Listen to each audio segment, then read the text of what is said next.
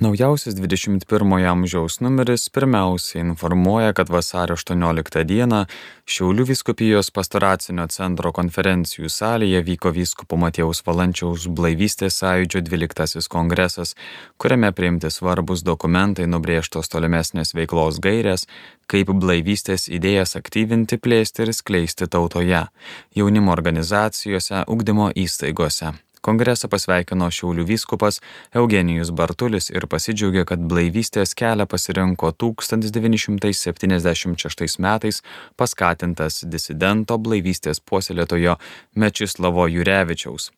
Kongresas prasidėjo šventosiomis mišiomis Šiaulių viskupijos pastoracinio centro Šventojo Kazimiero koplyčioje.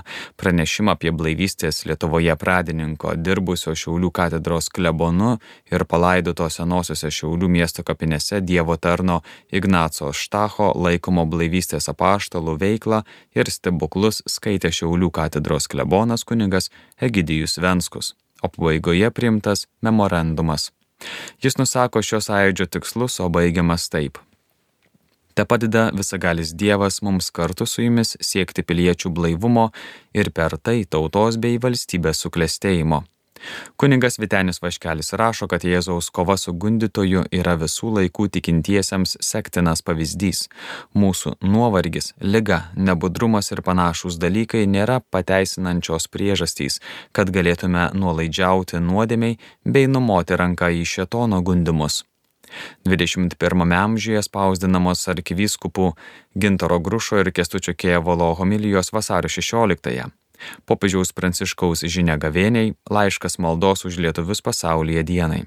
Vladas Vaitkevičius rašo, kad Kaune palaimintojo Jurgio Matulaičio bažnyčioje paminėtos pirmojo šios parapijos klebono Monsinjoro Kazimiero Senkaus penktosios mirties metinės pristatyta nauja knyga apie jį. Trokštų, kad Kristui gėdotų visa Lietuva, kurią sudarė vienuolė sesuo Albina Pajarskaitė, o redagavo Monsinjoro dukteriečia Rasa Kašetienė. Rašoma ir apie tai, kad vasario 16-ąją mirė prieš kelias dienas su 95 metų sukaktimi pasveikintas politinis kalinys Antanas Terleckas. Jo laidotuvėse dalyvavo keli kunigai.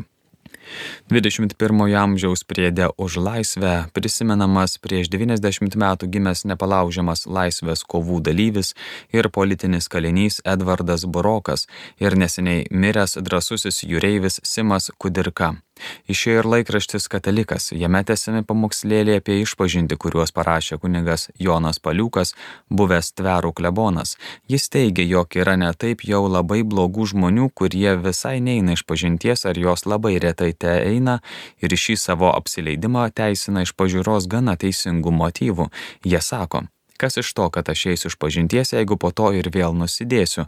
Žadu nebe nusidėti, o žinau, kad ir vėl taip bus vėl kartosi tas pačias nuodėmės, tai jau geriau visai neiti iš pažinties. Arba kuo tu geresnis, kad dažnai eini, vis tiek vis nusidedi, vis tas pačias nuodėmės darai. Iš tokio pasakojimo ryškėja, jog dėl jo numatymo, kad vėl nusidės iš pažintis, pagenda. Taigi jis nusiteikė verčiau gyventi blogai nuodėmėje ir dar šventvagiškai netlikti iš pažinčių. Kai šitą samprotavimą neįsigilini iš pirmo žvilgsnio atrodo, jog jis yra visiškai arba bent iš dalies teisingas ir neinant iš pažinties pateisina. Bet iš tiesų čia yra tik sąmoningas ar nesąmoningas savęs ir kitų klaidinimas. Kunigas dar rašo, kad kiekvienas žmogus būtinai turi ar turės atsakyti už savo veiksmų pasiekmes, todėl čia svarbus ir atgailos darimas. Apie atgailos darimą kunigas čia ir svarsto. O kuningas Vitenis Vaškelis rašo, kad Jėzus sakydamas, jog nedėra priešintis piktam žmogui, pirmiausia eliminuoja bet kokią keršto formą, Bet jis nesako, niekas niekada neturi priešintis blogiui. Pavyzdžiui, Ukrainoje okupacinės rusų kariuomenės naikinimas yra teisėtas, nes pasak katekizmo bendrojo gėrio gynimas reikalauja net teisų užpoliką padaryti nepavojingą, dėl to teisėta valdžia turi teisę net ginklu atremti gyventojų, už kuriuos jie atsakinga užpolikus.